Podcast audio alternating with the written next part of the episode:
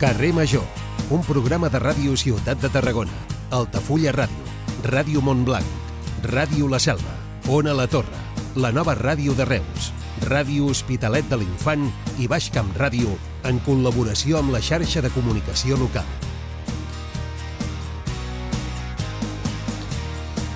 Hola, bona tarda a tothom, benvinguts. Això és Carrer Major, el programa que fem 8 emissores del Camp de Tarragona amb la col·laboració, el suport de la xarxa audiovisual local. Avui, per començar, desgranarem les dades d'infeccions per VIH, coincidint amb el Dia Internacional, amb la proximitat del Dia Internacional en què es commemora eh, aquesta malaltia, o es, es pretén visibilitzar-la, més ben dit. Eh, durant l'any passat al Camp de Tarragona es van diagnosticar, es van notificar 36 casos nous de contagis amb el virus de la immunodeficiència adquirida, el VIH, i 5 casos nous de SIDA, que són els casos en què aquest virus s'ha activat i ha eh, generat ja la malaltia. Això representa una taxa d'incidència de 6,7 casos de VIH i 0,9 casos de SIDA per cada 100.000 habitants. És una incidència baixa, però continua sent una malaltia silenciada i ara sembla que la tenim molt oblidada, però no hem de perdre de vista que no fa tants anys, als anys 80 i els 90, fins que va començar-hi a haver-hi tractaments efectius, aquesta malaltia va fer estralls a tot el món i també aquí, a casa nostra. I a més alerta, perquè les dades van a l'alça. Segons les xifres que ha facilitat el Departament de Salut de la Generalitat, les infeccions per VIH a Catalunya van repuntar l'any passat eh, comparat amb l'anterior. Però això sí, baixen un terç tenint en compte eh, eh, si ho comparem amb les dades eh, de fa 5 anys. La majoria dels casos, encara, en aquest, en aquest cas estem parlant d'un 57% dels casos a nivell de Catalunya, corresponen a homes que tenen sexe amb altres homes i la taxa de diagnòstics a Barcelona ciutat és la molt alta, eh, la més alta de totes. Per cert, que el Departament de Salut ha anunciat que intentarà reduir la llista d'espera per la pastilla preventiva del VIH, el PrEP, que en diuen, a menys de sis mesos durant eh, l'any vinent. Això perquè hi ha hagut queixes eh, des dels sectors d'afectats eh, alertant de les llistes d'espera eh, que hi ha per administrar aquest tractament preventiu. Aquesta és notícia avui destacada i permeteu-me que jo, que ja ho sabeu, els que em coneixeu una mica, que sóc teatrera de mena, Avui s'ha fet la presentació oficial de la temporada de Pastorets a Catalunya, una temporada que comptarà amb més de 250 representacions arreu del país. La faran possible 63 grups repartits en 52 municipis catalans per fer possibles aquests pastorets, una de les tradicions més nostrades de Nadal, en què hi treballa moltíssima gent aquests dies els grups amateurs bullen d'assajos i d'activitat. Dit això, comencem. Això és Carrer Major, el programa que fem 8 emissores al Camp de Tarragona i l'equip el formem l'Iris Rodríguez, l'Aleix Pérez, en David Fernández, la Gemma Bufies, la Cristina Artacho, l'Adrià Requesens, en Jonai González, l'Antoni Mellado, Antoni Mateos, jo mateixa, que sóc l'Anna Plaça, us acompanyo a aquesta primera hora i en Iago Moreno, que el tenim al control tècnic. Ara sí, és el moment de començar.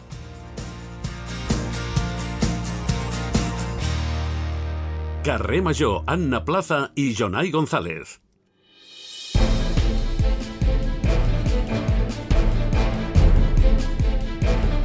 Quatre i set minuts. Repassem les notícies més destacades del dia en forma de titulars. Per començar, amb en Jonai González. Bona tarda, Jonai. Molt bona tarda. Moltes notícies, eh, aquests dies, últimament. Uh, què et sembla? Estem carregadets, sí, sí. carregadets. Sí, sí. Avui començarem destacant que un informe de la Generalitat determinarà si l'OT Energy Materials s'haurà d'integrar al pla secta. A priori, aquesta planta no estarà subjecta a la normativa europea sobre indústries químiques tenint en compte els productes que sembla que s'utilitzaran. El ple de la Diputació de Tarragona ha aprovat aquest matí el pressupost de l'any vinent amb els vots a favor de tots els grups excepte Vox, que hi ha votat en contra. Els comptes pujan a 208 milions d'euros, el que representa un increment total del 10%. En el capítol de fet divers han absolt els tres homes acusats de violar un grup en grup una noia a Cambrils ara fa 4 anys. La jutgessa considera que no s'han pogut provar els fets. De fet, la jutgessa exposa que hi ha forts dubtes que impedeixen arribar a corroborar els fets i que la denunciant segueix afirmant que no és conscient sobre com va succeir. I coincidint amb el Dia Mundial de la Sida, parlem de les dades de les infeccions per VIH a Catalunya, que han repuntat al 2022 si ho comparem amb l'any anterior. Així, això sí, en el conjunt dels darrers 5 anys han baixat un terç. Entre els motius d'aquest descens es troben l'accés a preservatius i seringues o també l'aparició de la Covid l'any 2020. En clau local, l'Ajuntament de Vandellós i l'Hospitalet de l'Infant ha aprovat el pressupost de l'any vinent que puja a uns 25 milions d'euros. Amb els vots a favor de Més Municipi, Acció Municipal, la FIC i el PP, l'abstenció del PSC i el vot en contra de la CUP. Repassarem dades de sinistralitat de trànsit que tendeix a la baixa a les comarques tarragonines. La xifra més preocupant la trobem a l'Alcamp, que és la comarca tarragonina amb més morts a les carreteres. Les vies amb més morts són l'AP7 i l'N340. Tarragona i Rodonyà acullen les segones jornades arquitectòniques d'arqueologia i arquitectura del patrimoni. Les jornades tindran lloc avui i demà de la mà dels serveis territorials a Tarragona. Els esports, el Reus Deportius Virgínia va caure per 2 a 5 davant l'Sporting de Lisboa en el seu debut a la Champions masculina d'hoquei sobre patins. I també farem la prèvia del Nàstic que vol confirmar el canvi de dinàmica al Reina Sofia de Salamanca. Diumenge s'enfronten a l'Unionistes i així eh, aquests serien els titulars principals que repassarem, de les notícies que repassarem d'aquí una mitja hora aproximadament en l'informatiu d'aquesta primera hora de Carrer Major. I gràcies, Jonai, fins ara. Fins ara.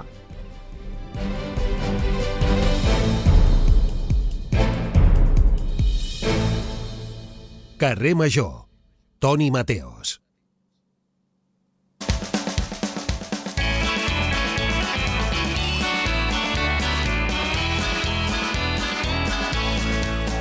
Xati. Xatina. Xatina. Xa... Ui, això de xatina. Mira, Xati, això de xatina. sé que està molt mal dit, però uh, veure. els 10 anys que vaig treballar a Tarragona Ràdio durant molt de temps uh teníem de presidenta Maria Mercè Martorell.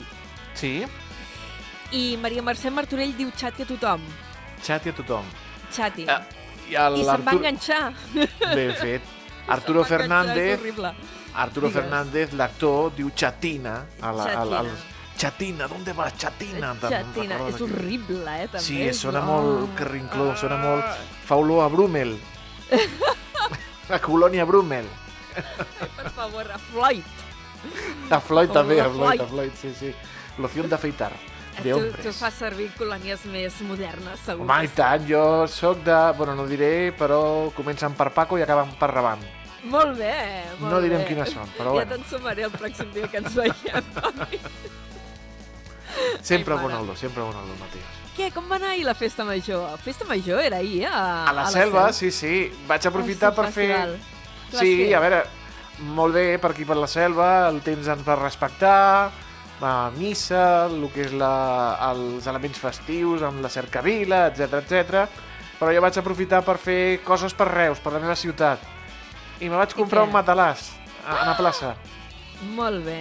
Et vas Molt bé. gastar una pasta...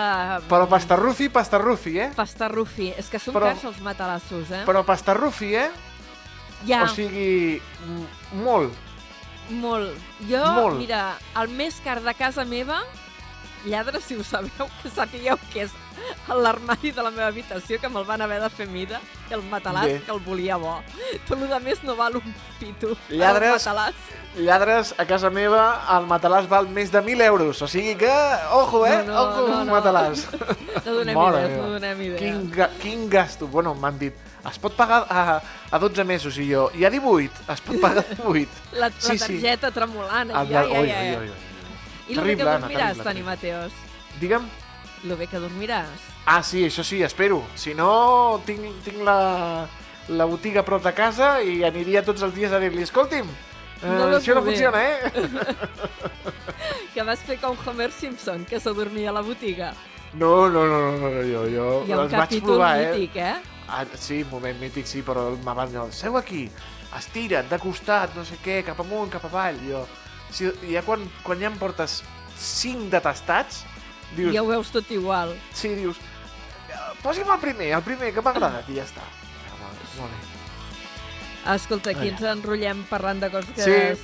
no tenen cap mena de transcendència, bueno, per Però, nosaltres sí, bueno, però per la la resta de l'humanitat Mira, no. que... Mira, Només espero que animem a la vida amb algú, eh, dient aquestes i tant, home, i tant, segur que riuen una estona, segur que riuen una estona. Avui, a la plaça Què tenim faràs? el programa... Què faràs? Mira, més luminós Ai, sí! Perquè Moltes avui està ple estrelles. d'estrelles, sí senyora. Oh, que guai. Les estrelles del territori, les estrelles Michelin del territori. Parlarem amb l'Arnau Bosch, del restaurant Can Bosch, de Cambrils. Parlarem també amb Diego Campos, del restaurant El Rincón de Diego, de Cambrils. Parlarem amb Pep Moreno, del restaurant Deliranto, de Salou. I parlarem amb Rafael Múria, que és el restaurant Quatre Molins de Cornudella de Montsant. És a dir, les Ah, quatre tremendo. estrelles del territori, aquesta tarda, a segona hora. Les del Una- Camp de Tarragona, perquè n'hi ha dues més a Ulldecona, que ja són Terres de l'Ebre, eh? Sí, això és Terres de l'Ebre, exacte. Quatre- I, I una Xerp també, n'hi ha una que també és... Que, aquella és, és- és, és estrella verda, és, és, és una altra categoria, és perquè és un tema de... I crec que també és Michelin, eh? És Michelin i, i Verda. Totes dues me sembla que té, eh? La, les dues estrelles. Escolta'm, per cert, eh, aprofita per preguntar al, al, al senyor del, del Liranto, perquè ara t'ho dic de memòria, però em sembla que han estrenat un menú inspirat en l'orca. Cada, cada temporada van canviant de menú. Aquesta gent fan dos menús l'any i ho inspiren en l'orca, en eh, músics, en òperes, en contes ah, no, infantils... potser era òpera, potser era Carmen. Ai, no ho sé, és que, mira, Li pregunto, ara, li pregunto. busca-ho, busca-ho, perquè pregunto ho al vaig Pep veure Moreno. dies enrere i ara no me'n recordo de memòria. Li preguntaré al Pep Moreno, li preguntaré al Pep Moreno. Una altra estrella, que és el David Fernández, Ai. ens portarà la banda sonora Ara, que ben lligat, eh? i una Molt altra estrella, aquesta és una estrella, és una estrella jove que està brillant amb força, que és la Cristina Artacho, amb la furgoneta, que avui se'n va al casal de l'autisme d'hivern de Tarragona, al Todos en Azul. Bene. Molto ah, bene. és veritat, que ja ho tenen, ho tenen tot ple, eh? Van obrir, eh, és, mira, és rotllo concert de Bruce Springsteen. Obren les Exacte. inscripcions i en, en no res ja ho tenen ple. Clar, perquè són poquetes places, eh? també ho I hem tant, de dir, però de seguida omplen. I el Sestopa també en omplert, eh, que ho sàpigues. Ah, sí, i presentaven cançó nova, encara no he tingut temps Ah, d'escoltar-la, eh? Escolta, és, és molt estopa, és molt estopa. És molt estopa. És molt... Bueno, pues por la raja de mi falda me'n vaig Ole. entrevistar al president de la Cambra de Reus. Ves què et dic? Fantàstic, tu. Que ja el tenim a lloc. Fantàstic, Anna. Toni, fins després. Fins després. Adiós. Adéu, adéu. Cada tarda de dilluns a divendres fem parada a Carrer Major.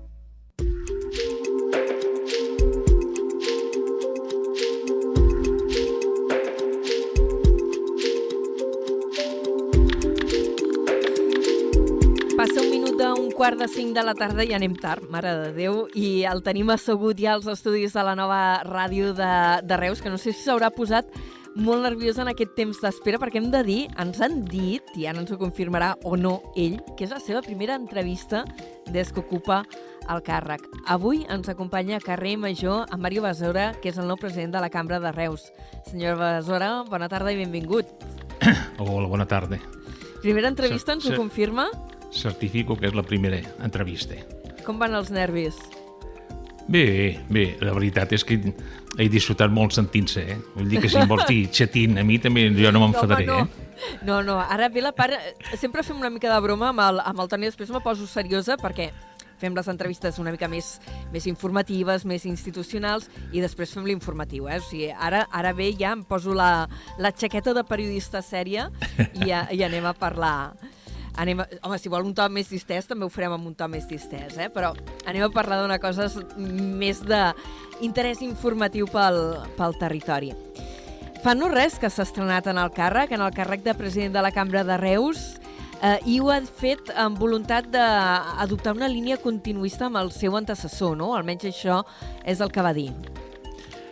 Sí, bueno, jo feia ja dos anys que estava al comitè executiu de la cambra i llavors eh, amb l'equip que estàvem, eh, que ens, ens avenia molt bé i feia un molt bon equip, vam decidir tots plegats, vull dir, continuar. I llavors, eh, entre tots, vam decidir pues, que, que jo em presentés i seria el president, perquè el, tots treballen, jo eh, ja estic jubilat, tinc més hores i realment amb el mes que porto de, de president, si vols seguir el ritme de la cambra, si no estàs jubilat no pots seguir, eh? perquè és un no parar. Llavors... A, a Tarragona passa el mateix, no? Perquè la Laura Roger també hi ha... Era, joveneta no és. No, no, no. bueno, ni, ni que no siguem jovenets, però som molt actius, eh? Amb moltes Això ganes de fer coses.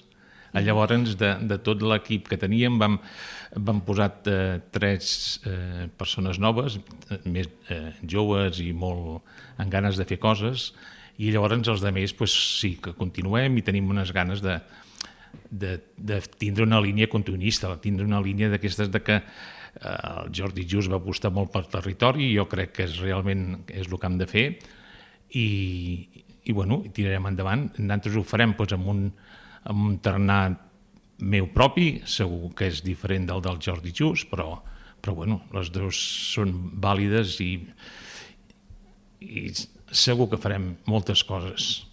Ara parlava d'aquesta aposta pel territori, perquè, clar, la Cambra de Reus no és que sigui només la Cambra de Reus o del Baix Camp, és que dona cobertura eh, a més comarques, incloent la Conca de Barberà, eh, incloent el Priorat, incloent Terra Alta, incloent Ribera, que et dius, això ja és Terres de l'Ebre, no? Però eh, arribeu fins a més avall. Sí, sí.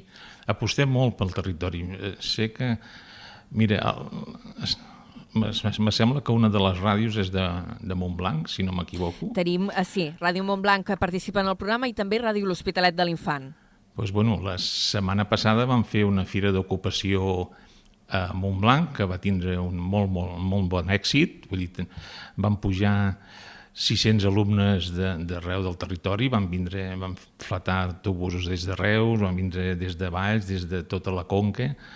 L'ús teníem 25 o 26 empreses i tothom va quedar contentíssim de tant els alumnes com les empreses. D'aquí 10 dies fem una taula rodona amb empresaris també de, de la Conca, que això ja és una... Aquesta taula la fem itinerant, no, la farem per les 5. Vam començar pel Priorat, la vam fer a Falset, i va tindre molt d'èxit, i el, i ara la farem a, a Montblanc. Amb això el que, el que intentem és recollir les inquietuds de, de tots els empresaris de, de, de cada una de les comarques i llavors intentar solucionar i fer el que ells ens diuen, a veure si podem eh, solucionar els sistemes, no? Aquí, clar, perquè parlem de realitats molt diferents. Eh, entenc que no és el mateix l'activitat empresarial, comercial que podem tenir en una capital com Reus, eh, que la realitat eh, de, ja no dic de la Conca, sinó potser encara un àmbit més rural com podria ser el Priorat o, o Terra Alta. Sí, eh, són, són diferents, està, està claríssim, però a vegades molts temes eh, se repeteixen. Eh?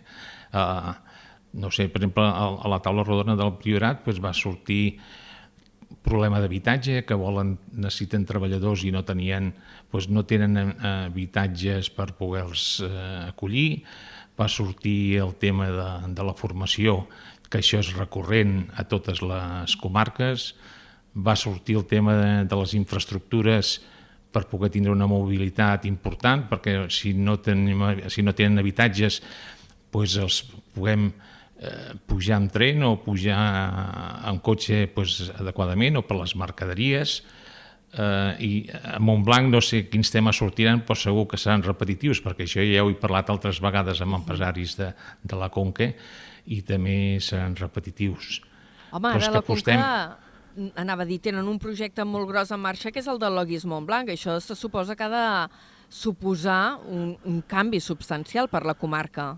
Sí, i per això necessitaran molt de, molt de personal, i, i necessitem pues, gent formada i llavors eh, una és, és per això nosaltres aquesta fira d'ocupació antigament sempre, nosaltres fem dues fires d'ocupació a l'any i una fira de formació de FP i llavors aquest any ja hem apostat una a fer-la itinerant o sigui, sortir de Reus, fer-ne una a Reus perquè és la nostra comarca però hem sortit i hem anat a Montblanc i l'any que ve pues, intentarem anar a la Ribera o intentarem anar a la Terra Alta perquè eh, se necessiten nanos joves amb ganes de fer coses, amb ganes de, de col·laborar i llavors és, això és la forma de que coneixin les empreses. Jo no sé si va, obert, bueno, va sortir a comarques de TV3 una mica un reportatge d'aquesta fira i els empresaris estaven molt contents, però és que el, els alumnes que havien anat a, allà dalt a la fira també quedaven sorpresos de les empreses que hi havia a la Conca. Clar, eh, si això no ho donem a conèixer, tampoc no, no ho saben la gent, no? Mm -hmm. Uh, una altra de les qüestions que li preocupa, i això és una constant en tots els presidents de les cambres de comerç, sempre dieu, estem preocupats pel tema infraestructures. Hem tingut notícies importants i teòricament bones, no?, últimament, com l'obertura del túnel del Coll de l'Illa, s'ha licitat l'estació de Bellicens, vostè aquesta setmana entenc que ha participat en la celebració dels 20 anys del Pacte de la Buella, eh, en què es parlava eh, en què es va crear la taula estratègica de gestió eh, de l'aeroport de Reus. Eh, què creu que fa falta encara? Bueno, si parlem de l'aeroport, és la primera vegada que hi anava, eh, era... però a veure, les notícies eren bones, o sigui que enguany s'han assolit ja un milió 40.000 passatgers, que ja és, és la mateixa xifra prepandèmia, pels números i per, ja pels, per als contractes que hi ha per l'any que ve s'espera tindre un milió cent, un, entre un milió cent i un milió dos-cents, vull dir que és que passatgers, que això ja realment és molt important, però per, eh, a mi jo vaig deixar caure que també la, la inquietud de, de les càmeres és intentar que puguem tindre l'aeroport obert tot l'any, que això és, mm. és una fita que s'està intentant moltes vegades i, i costa, perquè realment eh, l'aeroport està molt enfocat al turisme d'estiu de, de les nostres comarques de Salou, Cambrils i... Bueno, llavors eh, vam quedar des de les càmeres que faríem una mica de pla estratègic també, parlant amb les empreses del territori, això, a veure quines inquietuds tenen i a veure si poguéssim eh, trobar solucions que poguessin donar més, eh, per un costat, més passatgers eh, i per un altre costat, a millor a veure si poguéssim arribar a fer que poguessin moure mercaderies des de l'aeroport de Reus. Sé que és molt difícil, que és complicat, però, però estem, Home, ja n'hi ha de, de, de vols de mercaderies, tinc entès, no? Més enllà dels vols comercials de passatgers, també se'n transporten de mercaderies. Almenys Molt per poques. les dades que passen des d'AENA, alguna cosa hi ha d'activitat sí, en però, aquest sector. però molt, molt poca cosa. Uh Mhm. -huh. Llavors, uh, digui'm, aquí, digui'm, president. perquè la, realment les empreses que, que fan volar mercaderies, fan volar mercaderies a, eh, o sigui, fer volar mercaderies en vols xàrter o en vols eh, regulars són, és molt car. Llavors, el bo de fer volar mercaderies és fer volar amb carguers, que és eh, la, que tinguis uns magatzems que puguis recollir durant X dies i llavors flotar un, un carguer i fer-ho volar. No? Això és, és, dintre del cart és, és bastant més barat que fer-ho volar amb un avió convencional, amb una millor de, de passatgers. Uh, I això de qui depèn? És uh, qüestió de voluntat d'AENA? És uh, qüestió de voluntat de les empreses uh, que s'alien uh, per, per treballar en aquest sector i, i implementar aquests vols? O de qui depèn? O de tots plegats? Això depèn de, de tots plegats. A veure, si parlem d'AENA, si, eh, el, el director de l'aeroport sempre diu que ells no tenen cap problema, si, que ells ara no fan volar mercaderies perquè no hi ha la necessitat. O sigui, ells tenen obert a l'aeroport els 365 dies de l'any. Eh, actualment està treballant molt des d'abril, de, maig fins a octubre pels vols, diguem-li, de la part turística. Però la, el resto de l'any també està obert, vull dir que si ells no tenen inconvenient, diu, si nosaltres ens venen i ens diuen que, necessit, que volem transportar mercaderies o volem obrir una altra línia al rest, eh, a l'hivern, doncs ells no tenen cap inconvenient, al revés, no? Llavors el que hem de fer és veure si dintre de tot el territori eh, cambres, perquè això jo diria que això ho hem de fer tots plegats, a, incloent la, la Càmera de Tarragona, la Càmera de Valls i la Càmera de Tortosa, trobar, veure si trobem algunes sinergies per poder lligar-ho. Com, com és la relació entre les quatre cambres de la demarcació? Bueno, jo no tinc, jo tinc una bona relació amb totes, menys, menys no, és que no tingui massa relació, és amb Tortosa encara no he tingut l'oportunitat de parlar amb, amb ell, amb la de Valls tinc molt bona relació, amb la de Tarragona també, i amb la de Tortosa segur que també la tindré, perquè la he parlat molt amb el seu tècnic i per, per motius de que de més fa doncs molt poc temps que estic al càrrec encara no m'he pogut reunir amb el president de, de Tortosa, però segur que serà molt bona relació perquè el meu, el meu tarannà és de ser conciliador i, i anar tots plegats i treballar en equip i tirar endavant les coses. Eh? I, I podríem dir que els interessos són compartits entre les eh, diferents cambres del territori? Bueno, a veure, aquí la... cada un defensem el nostre territori, això està clar. Però quan, quan parlem de, de temes comuns a totes, i quan parlem, jo diria, d'una àrea metropolitana potent, doncs haurien d'estar de, les, treballant les quatre eh, plegades. I si, si fins ara no s'ha fet, doncs jo és una de les coses que intentaré que, que passi. No? Uh -huh. Uh, president, també li volíem uh, preguntar per alguns uh, projectes. Abans hem comentat el macroprojecte del Logis Montblanc en, en l'àrea de la Conca, uh, però al Baix Camp ara la mirada està molt fixada en aquesta macroinversió de la fàbrica de Montroig del Camp, de la fàbrica de l'OT Energy Materials, que s'ha venut com un projecte estratègic, no només eh, pel nostre territori, sinó a nivell de país. De fet, aquesta mateixa setmana eh, en parlava el mateix president de la Generalitat des de, de Corea. Però es desperten alguns interrogants. Hi ha hagut un col·lectiu de veïns que s'estan organitzant mm, amb suspicàcies de com s'està fent la tramitació i avui eh, hem sabut que un informe de la Generalitat haurà de determinar si aquesta eh, planta s'integra al Placecte. Estaríem, per tant, parlant d'una empresa química.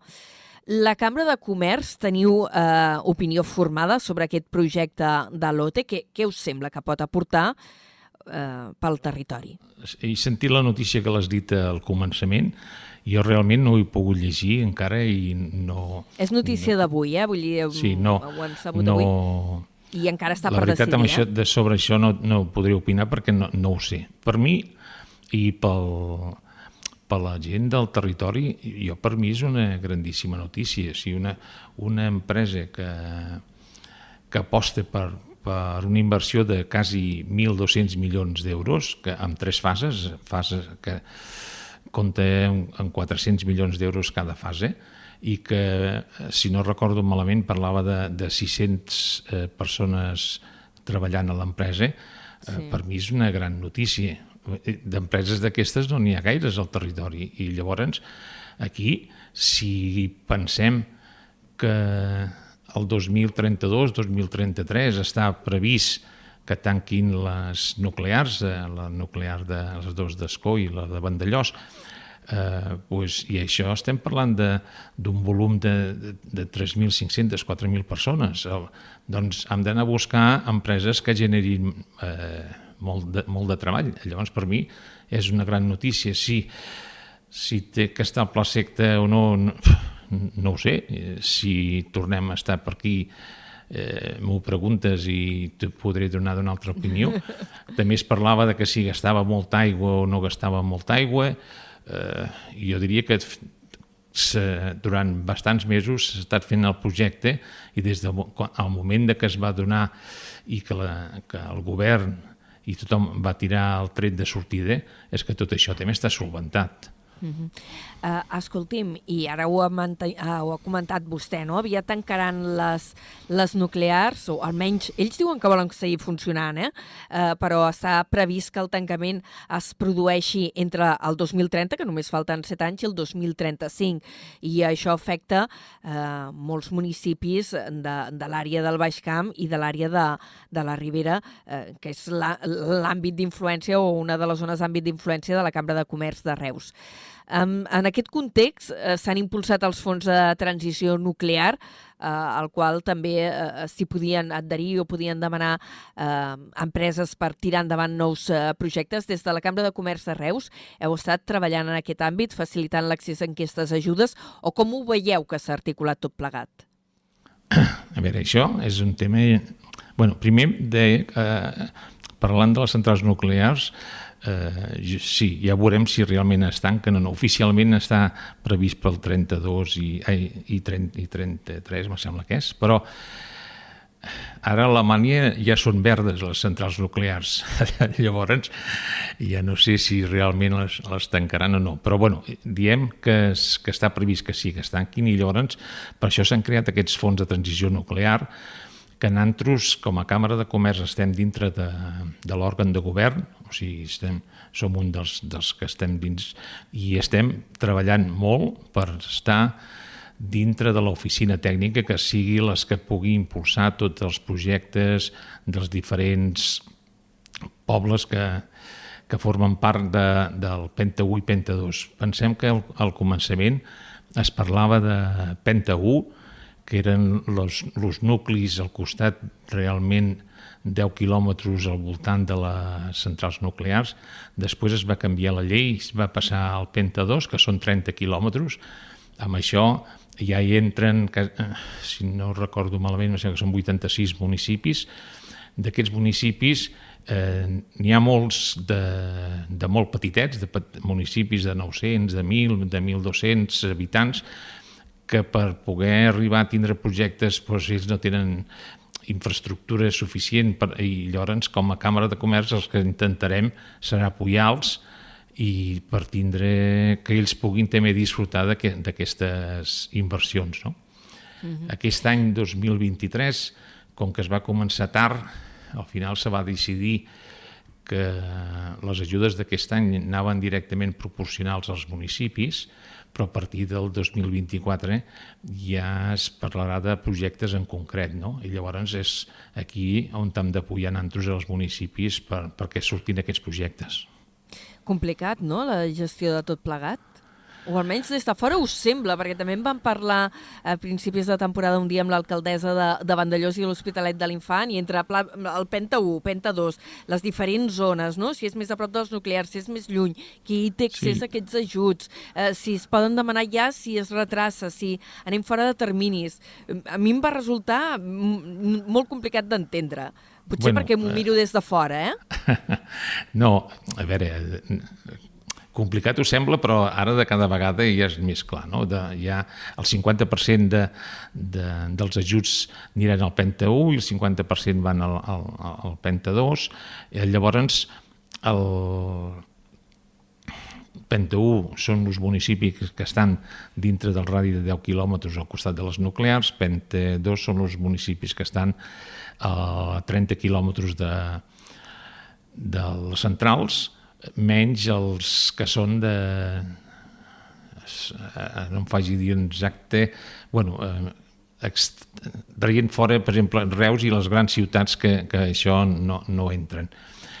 El, això és una oportunitat que no la podem deixar passar perquè realment aquests 60 milions d'euros de, que, que cada any es destinaran a reindustrialitzar la, les zones és bàsic perquè el dia que arribi aquest tancament de les centrals nuclears pues, hi hagi la suficient indústria, la suficient per poder absorbir tot el personal que realment es, eh, surt o no tingui feina quan se tanquen les centrals nuclears. No? El, també és una forma de, de potenciar les, les comarques que no són tan afortunades, perquè aquí si parles amb, amb els alcaldes de, pues, de Flix o de, de Mora o d'Escó, de, clar, la, les indústries, ells on se volen posar? Se volen posar al costat de, a la costa, eh? que tenen l'autopista a prop, que tenen el corredor del Mediterrà, que tenen les infraestructures per poder moure les mercaderies.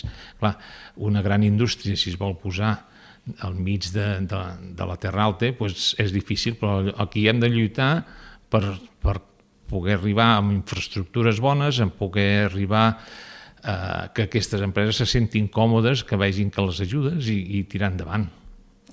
President, eh, seguiríem parlant perquè de temes eh, en tenia encara molts més eh, per preguntar-li, eh, però ho haurem de deixar aquí perquè encara tenim una petita secció de cinema i hem de fer l'informatiu i si no, no ens bueno, donarà temps de tot. Estic, li agraïm estic moltíssim... obert si un altre dia voleu que... I tant, que tornarà a venir. Eh, li agraïm moltíssim que s'hagi estrenat com a entrevistat al nostre programa a Carrer Major i bon mandat. I ja anirem xerrant. Fins la propera. Vinga, adéu. Adéu-siau. Carrer Major, el primer programa del Camp de Tarragona.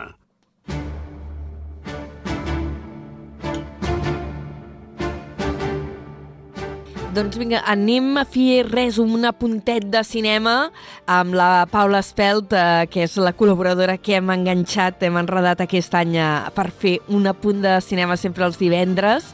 Uh, Paula, bona tarda. Bona tarda, Anna.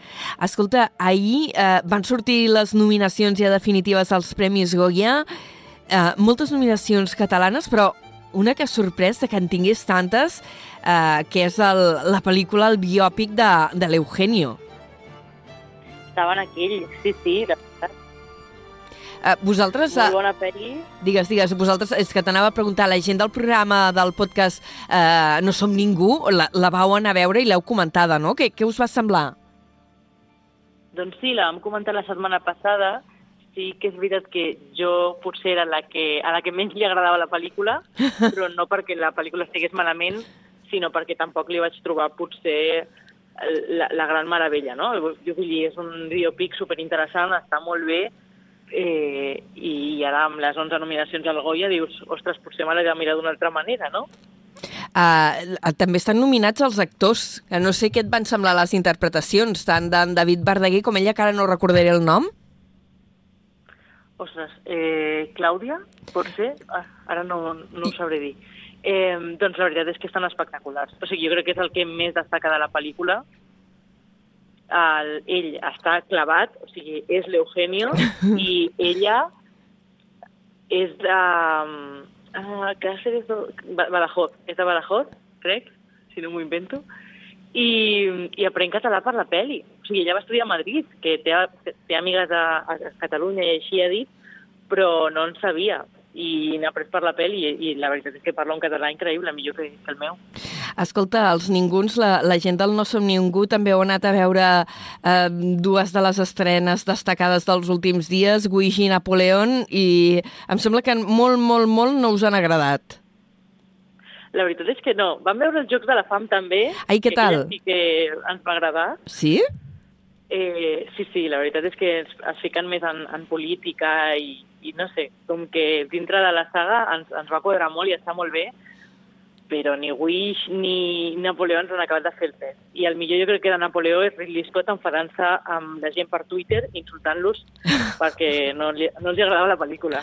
Ostres, perquè havia de ser com el gran retorn de per la porta gran de Ridley Scott amb una pel·lícula de, de tema històric, allò una mica retornant al que va ser en el seu moment Gladiator, que va ser un èxit total, i aquí no... no I a més, repetint amb, amb protagonista, no?, amb el, amb el Joaquim Phoenix Fènix, que és uau, un gran actor, i no els hi ha funcionat.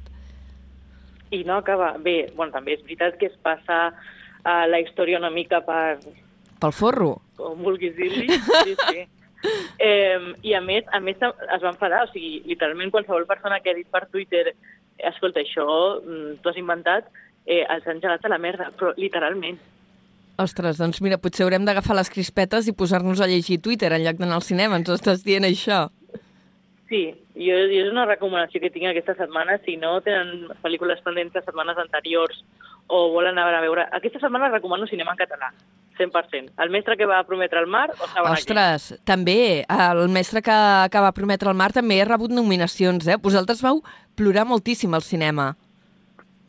jo crec que és la pel·lícula més bonica del 2023. Jo ho vaig dir al programa, per mi, o sigui, va ser increïble. Doncs mira, ens quedem amb aquesta recomanació. A més, amb, una, amb un protagonista de, de proximitat que tenim pendent de tractar el tema també a carrer Major amb... Això és una, és una cosa que tenim en producció, eh? amb, amb nebots de, del eh, mestre Benages, que és eh, aquest professor que va prometre al mar durant la República als seus alumnes de, de Burgos, un mestre de, de Montroig del Camp, i que és una història que va quedar troncada per, per la guerra. Uh, Paula, moltes gràcies per les recomanacions, no recomanacions també, de, que ens has fet avui. I recordeu, demà no som ningú, eh, el podcast que, que feu els ninguns a On a la Torre. Moltíssimes gràcies. Adéu. Fins després. Adéu.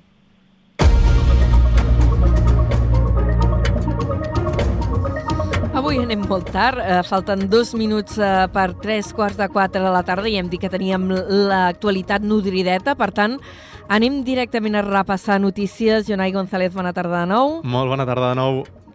Un informe de la Generalitat determinarà si l'OT Energy Materials s'integra al Pla SECT, el Pla de Seguretat Exterior de la Química de Tarragona. A priori, aquesta planta no estaria subjecta a la normativa europea sobre indústries químiques, el CBSO, tenint en compte els productes que sembla que s'hi utilitzaran.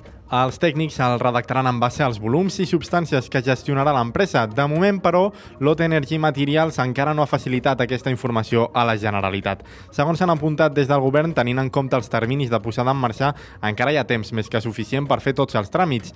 Paral·lelament, des de l'executiu han indicat que totes les indústries incloses al Pla CBSO formen part del Pla Secta, però a la inversa no sempre és així. També hi ha casos en què la integració del Pla Secta està motivada pel seu pla ambiental i no pas per la perillositat dels productes que tracta. És per això que l'OTE podria entrar dins aquest pla. A hores d'ara, l'empresa està pendent que l'Ajuntament de Montroig el tramiti canvis al POM municipal per adaptar legalment els terrenys a l'activitat que hi faran. De fet, la plataforma Defensem Montroig va anunciar fa uns dies aquí a Carrer Major que la fàbrica de Lotte eh, serà una empresa química i que el pla urbanístic s'ha modificat a tal efecte. Josep Crespo és el portaveu d'aquesta plataforma ciutadana que qüestiona el projecte de l'OT i especialment com se n'està fent la tramitació. Sí que van reconèixer que és una indústria química, això també ho agraïm, i vam reconèixer que, que es canviava el sol d'una categoria industrial 3 a categoria industrial 6, que és la que permet haver-hi una, una indústria química. Això és la, una química de màxim risc, que l'alcalde després es va retractar, que ens va dir que no, que no era, no ho sabem. Total que la modificació del POM consta i està presentada en el conveni i ells presenten aquesta modificació del sol industrial que a categoria 6 que és la, la, la mateixa que permetria una química, una petroquímica, un complex industrial gran. La plataforma Defensa Montroig ha presentat al·legacions al projecte i demana més transparència a l'Ajuntament. El ple de la Diputació de Tarragona ha aprovat el pressupost de l'any vinent aquest matí. Ho ha fet amb els vots a favor de tots els grups, excepte Vox, que hi ha votat en contra. Els comptes pugen a 208 milions d'euros, el que representa un increment del 10%. Entre les partides pressupostàries destaca la de 4 milions d'euros per ajudar els ajuntaments en cas d'urgències per fenòmens meteorològics adversos. També hi ha 4 milions d'euros per millorar l'asfaltat de les carreteres i 2,2 milions d'euros per subvencionar entitats culturals, esportives i socials del territori. Des de la Diputació s'ha assenyalat que aquests pressupostos s'han dissenyat amb voluntat de tenir un impacte positiu i multiplicador a les 10 comarques de la demarcació. Uh, I parlem ara dels pressupostos catalans amb el Hard Rock que continua al centre del debat uh, polític. El PSC ha tornat a insistir a Pere Aragonès, el president de la Generalitat, que no negociarà els pressupostos si no desencalla el Hard Rock, l'ampliació de l'aeroport del Prat i la B40. De fet, el PSC ratifica en les declaracions que van fer fa uns dies i avisen que si l'executiu no compleix, els socialistes no iniciaran converses sobre els nous comptes catalans. Escoltem la portaveu del PSC al Parlament, Alicia Romero. L'acord de pressupostos es va signar per l'any 2023. Òbviament, si la comissió de l'aeroport es reuneix el 7 de gener, doncs, doncs ens semblarà que és un compliment. No, no, no, no serem tan estrictes, però el que volem és que això es desencalli ja. Preguntada sobre la compatibilitat d'un projecte com el Hard Rock amb la situació de sequera, la dirigent socialista ha defensat que Catalunya és un país ric hídricament i que cal tenir a punt infraestructures per al cicle de l'aigua.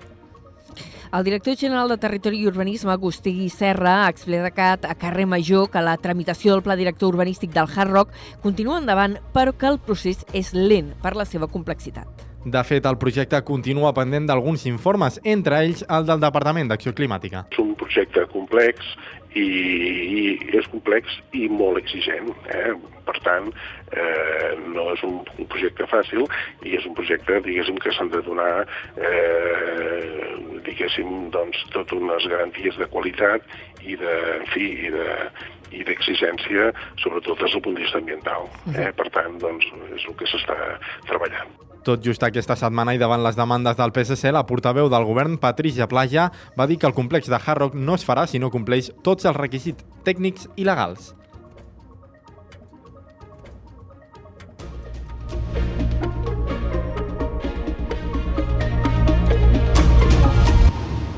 Passen 3 minuts de 3 quarts de 5 de la tarda. Uh, ara, en l'àmbit del fet divers, hem de dir que han quedat absolts els tres homes acusats de violar en grup una noia que en Bril serà fa 4 anys. La jutgessa considera que no s'han pogut provar els fets que remunten al 24 de juny de 2019, quan després de passar la nit en una discoteca de Salou, un grup de joves va decidir seguir la festa a casa d'un dels acusats al barri de Vilafortuny. Segons la jove que va denunciar els fets, va ser víctima de violació, mentre que pels homes la relació va ser consentida. El cas es va jutjar a la tardor de l'any passat i la jutgessa ha determinat que no hi ha elements que permetin provar l'acusació. La sentència es pot recórrer ara al Tribunal Superior de Justícia catalana. La jutgessa exposa que hi ha forts dubtes que impedeixen arribar a la convicció sobre la certesa dels fets denunciats i que la denunciant segueix afirmant que no és conscient sobre com van succeir els fets. Les dades de trànsit marquen una tendència a la baixa a les carreteres tarragonines. La xifra més preocupant la trobem a l'Alcamp, que és la comarca tarragonina amb més morts a les carreteres. Les vies amb més morts són l'AP7 i l'N340. En té més detalls l'Adrià Tella des de Ràdio Ciutat de Tarragona. Les carreteres tarragonines confirmen durant un altre mes el descens de la sinistralitat. Han mort 33 persones en accidents de trànsit a la demarcació en el que va d'any 6 menys que el 2022 i 7 menys que el 2019, any de referència per al compliment dels objectius de reducció de la sinistralitat del Pla de Seguretat Viària 2020-2023. Aquest mes de novembre ha mort una persona a les carreteres tarragonines. Des de l'1 de gener, les dues comarques amb més morts han estat l'Alt Camp i el Baix Ebre, amb 8 víctimes mortals. Les vies amb més morts són l'AP7 i l'N340, amb 5 i 4 quatre persones finades respectivament. El descens de la sinistralitat a Tarragona també es fa palès a les demarcacions de Girona i Barcelona. Si fem referència a tot Catalunya, respecte al 2019, enguany s'està registrant una reducció del 17% pel que fa a les víctimes mortals a les carreteres catalanes i del 18% pel que fa als accidents. Han mort 139 persones en 126 accidents mortals a la xarxa viària interurbana catalana durant aquest any. D'aquestes 139 víctimes, 51 són motoristes, el que implica 7 morts més que l'any anterior fins al mes de novembre. I analitzem altres dades, les de les infeccions per VIH a Catalunya que han repuntat el 2022 si ho comparem amb l'any anterior. Això sí, en el conjunt dels darrers cinc anys la tendència és a la baixa, les dades han baixat un terç. Al Camp de Tarragona, durant l'any passat, es van notificar 36 nous diagnòstics de VIH i 5 casos de SIDA. Això representa una taxa d'incidència de 6,7 casos de VIH, i 0,9 casos de SIDA per cada 100.000 habitants. D'aquests casos, el 86% han estat homes i el 14% de dones. El conseller de Salut, Manel Vallcells, ha anunciat que s'intentarà reduir la llista d'espera per a la pastilla preventiva del VIH a menys de 6 mesos al 2024. Entrem en crònica municipal. L'Ajuntament de Vandellós i l'Hospitalet de l'Infant ha aprovat un pressupost de més de 25 milions d'euros per l'any que ve. Amb els vots a favor de Més Municipi, Acció Municipal, la FIC i el PP i l'abstenció del PSC i el vot en contra de la CUP. Ens ho amplia la Iris Rodríguez de Ràdio L'Hospitalet. El ple de l'Ajuntament de Vandellós i l'Hospitalet de l'Infant va aprovar aquest 30 de novembre el pressupost municipal per a l'exercici de 2024 amb els vots a favor de Més Municipi, Acció Municipal, la FIC i el PP, l'abstenció del PSC i el vot en contra de la CUP. El pressupost agregat integrat pel del propi Ajuntament, els organismes autònoms, les societats anònimes municipals i la d'esports ascendeix a més de 25 milions d'euros. Ferran Conejo és el portaveu de Més Municipi. Com a elements destacats d'aquest pressupost en el capítol d'ingressos, doncs, aquest pressupost és un 5,82% més elevat respecte al de l'any 2023. I d'aquests diners, el 13,49% seran destinats a inversions. I entre les inversions previstes destaca la de la residència per a la gent gran de l'Hospitalet de l'Infant, la de la restauració de l'antiga residència del poblet d'Infrensa, la millora de les platges, la millora dels edificis municipals i la del projecte de redacció de la nova comissaria de la policia local. Moltes gràcies. I a l'Ajuntament de Torredembarra s'ha estrenat el nou portal de Govern Obert i Transparència. Amb aquesta nova eina de comunicació es vol posar a l'abast de la ciutadania un espai més complet i intuïtiu. Des d'on a la torre ens ho explica en Josep Sánchez. En aquest nou portal de transparència es pot trobar informació sobre l'organització de l'Ajuntament i els seus càrrecs, la gestió financera del consistori, dades sobre els llocs de treball, el règim retributiu o procediments administratius, entre altres qüestions. El regidor de Govern Obert i Comunicació, Joel Ramírez, ha explicat que volen anar més enllà del compliment de la legalitat vigent. Afegeix que es tracta de fer-ho de manera que sigui més accessible i entenedor per a la població. Nosaltres hem de fer un exercici encara més gran per intentar comunicar i implicar uh, més a tota la ciutadania. Um, I ho estem fent. Uh, tenim ja a punt de sortir el nou portal de transparència, tenim també a punt de sortir uh, la nova pàgina web el portal de Govern Obert i Transparència és un servei que facilita el Consorci de l'Administració Oberta de Catalunya als ajuntaments. I ara parlarem de patrimoni, d'arqueologia, perquè aquests dies s'estan fent a Tarragona i Rodonyà les segones eh, jornades arquitectònic. Les jornades tenen lloc avui i demà de la mà dels serveis territorials a Tarragona. Ens ho amplia la Triaduc des de Ràdio Ciutat de Tarragona. Les jornades giren entorn al treball conjunt entre arqueologia i arquitectura, alhora que s'exposen casos d'èxit en el tractament i la conservació del patrimoni cultural d'algunes comarques tarragonines. L'arqueòloga territorial dels Serveis Territorials de Tarragona, Imma Teixell, ha fet palès la importància d'apostar per la integració d'un ús social de les troballes. Que aquestes jornades el que donen és pinzellades i idees de que això és possible.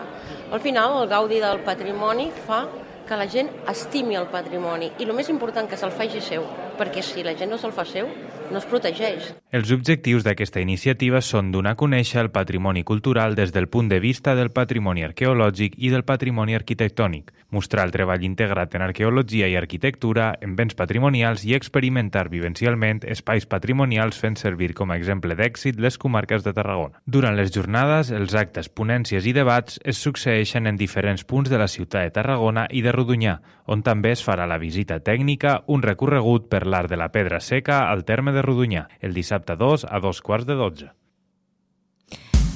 Anem als esports? Avui, per eh, comentar, mm, per començar una mala notícia esportiva, el Reus Deportiu Virgilians no va poder eh, superar l'Sporting de Lisboa en el seu debut a la Champions masculina d'hoquei sobre patins. Els roig i negres van perdre aquest dijous a casa per 2 a 5. Des de la nova ràdio de Reus ens fa la crònica en David Fernández. Encara que els reusencs van sortir amb ganes, els portuguesos van mostrar des del principi el seu potencial ofensiu. Ja al minut 11, Facu Bridge sorprenia Càndid Ballar amb el 0-1 i abans del descans l'Sporting marcava el segon. Al 5 de la represa, Sergi Aragonès feia l'1-2, però al cap de 30 segons, els portuguesos ampliaven distància amb l'1-3. A falta de 17 minuts pel final, Nolito Romero marcava el seu tercer gol. Poc després, David Jalmà feia pujar el segon gol dels de Reus i deixava el 2 a 4 al marcador, a l'espera del cinquè gol de Facu Bridge, que situava el definitiu 2 a 5. Jordi Garcia és l'entrenador del Reus Deportiu Virgínies. Tristos perquè és cert que el resultat no reflexa el que s'ha vist avui. Penso que el partit eh, és evident que ells tenen un ritme de joc i una, una intensitat molt alta. Continuo pensant que, que tàcticament i defensivament hem estat bé, no, no, no tinc la sensació de que un 4x4 ens hagin fet mal, ens hem fet mal amb disparo exterior. Ara els roig i negres els toca pensar en l'hoquei Lliga i el partit enfront al Liceo de diumenge. I eh, pel que fa al Nàstic, diumenge s'enfrontarà amb l'Unionistes amb voluntat de continuar amb la seva recuperació, mentre que el CBT espera poder guanyar en el debut de, George, de Jorge Serna al pavelló del Serrallo també aquest cap de setmana. Tanquem així la primera hora de Carrer Major. Adéu-siau.